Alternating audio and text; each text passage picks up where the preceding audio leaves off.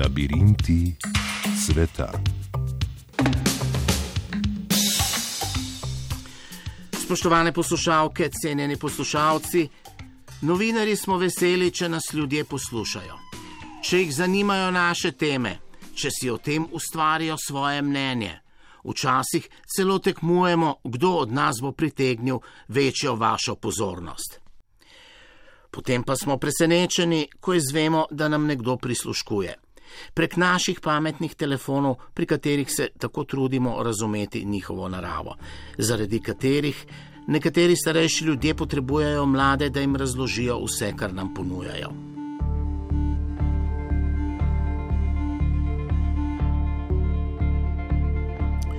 Ko smo pred leti od žvižgačev Edwarda Snowdna in Juliana Assangea izvedeli, da za nami vohunijo, ko brskamo po internetu, pošiljamo sporočila ali elektronsko pošto, so si nekateri privoščljivo oddahnili. Češ, meni ne morejo nič, sej drugega kot telefonirati ne znam.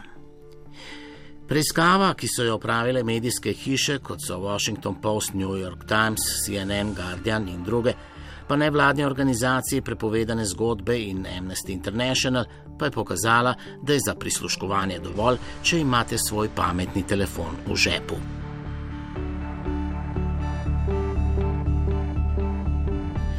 Vlada, domača ali tuja, ali kakšna močnejša organizacija oziroma podjetje, ki je sposobno pri izraelski družbi NSO kupiti program Pegasus, bo o vas lahko izvedelo vse, kar si želi.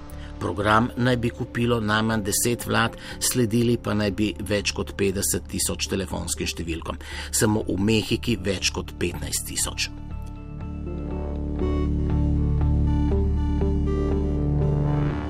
Program Pegasus naj bi bil namenjen za boj proti terorizmu in kriminalu. Kljub temu pa je javnost izvedela, da je savdska vlada z njim spremljala novinarja Džamala Kašogija, preden so ga ubili v savdskem veleposlaništvu v Istanbulu. Da je indijska vlada z njim prisluškovala pakistanskemu predsedniku Imranu Kanu. In predstavljajmo si, kakšen šok je bil za francoske obveščevalne službe, ko so na seznamu zasledili številko predsednika Emanuela Macrona sledenje naj bi naročila maroška vlada. Vse to zbuja skrb, kaj je bil cilj maroških oblasti, kaj so želeli doseči z vohunjenjem, zakaj toliko osebam sledijo ravno v Franciji, se sprašuje Laurent Richard iz nevladne organizacije prepovedane zgodbe s sedežem v Parizu.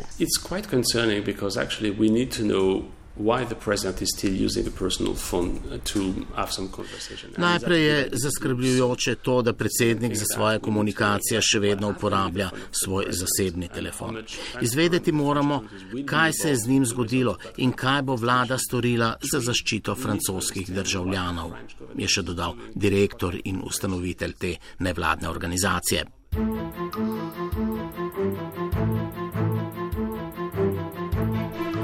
Slovenski strokovnjak za informacijsko tehnologijo Aleš Petič pa je za naš radio povedal, da razkritje programa Pegasus ni nič posebno novega.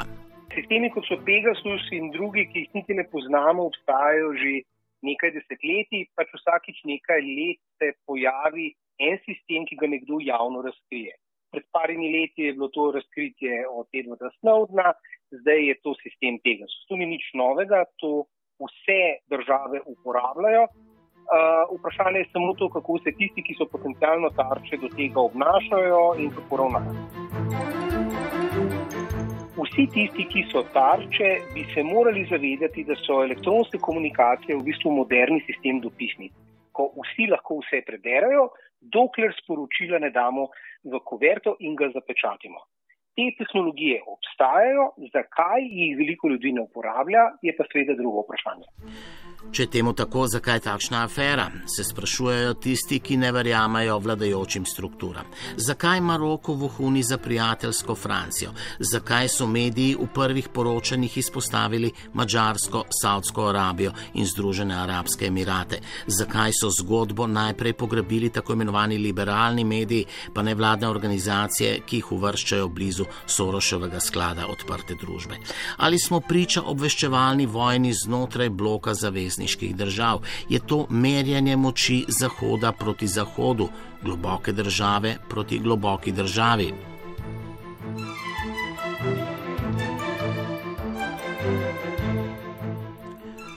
O sumu prisluškovanja predsedniku Makronu je v Franciji razpravljal Svet za nacionalno varnost.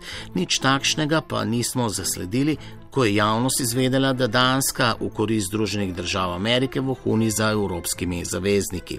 Ali pa v času Obamove administracije, ko so američani prisluškovali nemški kanclerki Merklovi. Da med zahodnimi zavezniškimi državami ni vse tako, kot bi moralo biti, smo vedeli že prej. Upanje, da bo bolje, pa je vzbudila nova Bidenova administracija, ki je napovedala ureditev odnosov z zavezniki. Nemčija in Združene države Amerike sta dosegli dogovor o končanju plinovoda Severni tok 2, kjer morajo na dnu Severnega morja položiti le še dobrih 100 km cevi. Podrobnosti dogovora še niso znane. Iz različnih izjav in poročil pa je moč razbrati, da američani ne bodo uvedli novih sankcij proti izvajalcu del rusko-nemškemu podjetju Nord Stream 2 Group, niti proti posameznikom in podjetjem, ki z njimi sodelujejo. Del dogovora je, kot kaže, tudi podpora Ukrajini in Polski, prek katerih je speljana večina plinovodov, ki Rusijo povezujejo s srednjo Evropo. O tem je kanclerka Merklova spregovorila že ob njenem obisku v Washingtonu. Unser Verständnis war und ist und bleibt, dass die Ukraine Transitland für Erdgas bleibt. Še vedno gledamo na Ukrajino kot na tranzitno državo za naravni plin in na državo, ki ima, kot vsaka druga, pravico do ozemeljske celovitosti.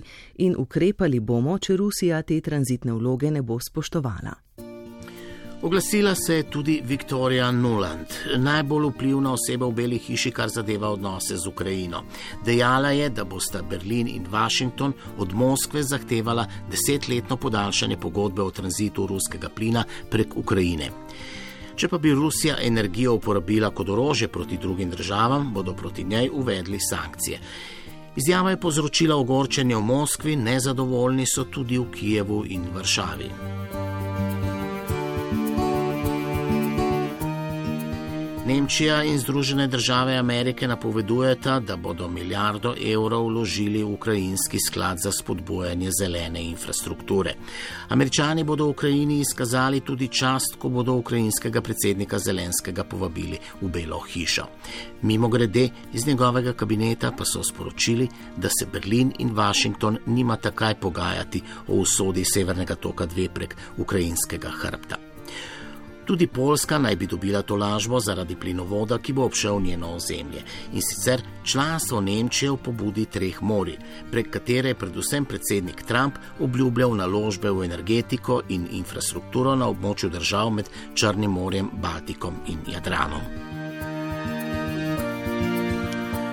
Ob tem povemo, da je tranzitna država, ko gre za ruski plin, tudi Belorusija, ena zadnjih evropskih zaveznic Putinove Rusije.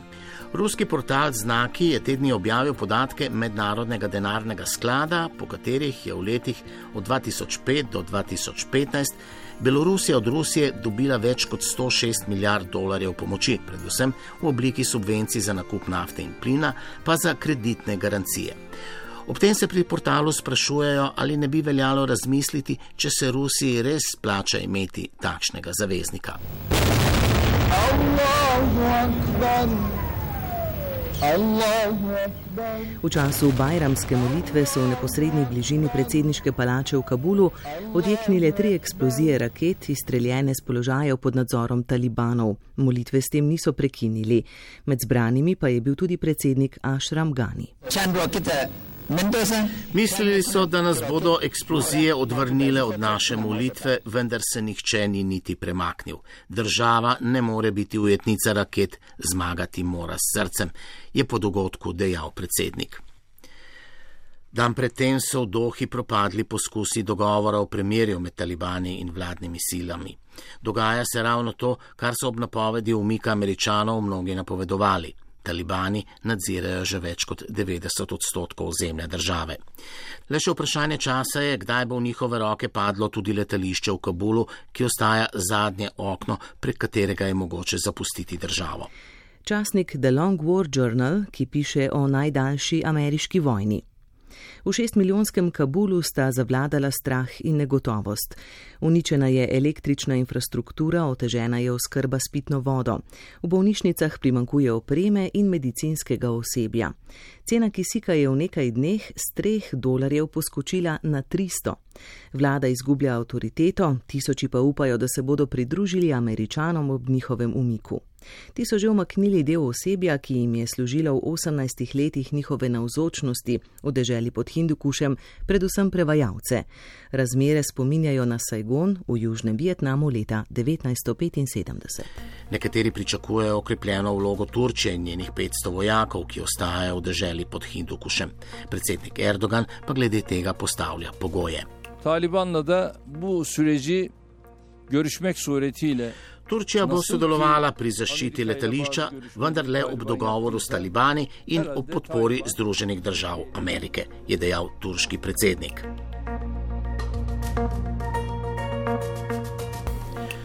V sosednjem Tadžikistanu so te dni izvedli največje vojaške vaje v zgodovini države. V začetku avgusta pa bodo na meji z Afganistanom še skupne vaje vojaških sil Tadžikistana, Uzbekistana in Rusije. Povod za nje naj bi bila nevarnost širjenja spopadov iz Afganistana na sosednje države.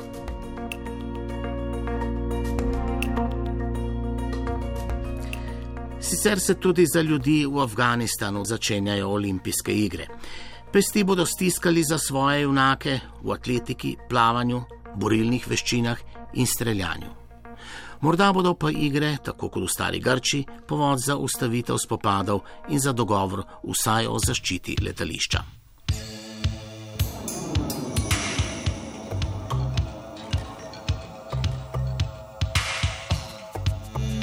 To so bili Labirinti sveta. Podaja zunanje političnega uredništva, za to mi je poskrbel Marko Krebs, prevod in besedilo je brala Mateja Perpar, urednik Matjaš Trošt, moje ime je Marjan Vešligaj.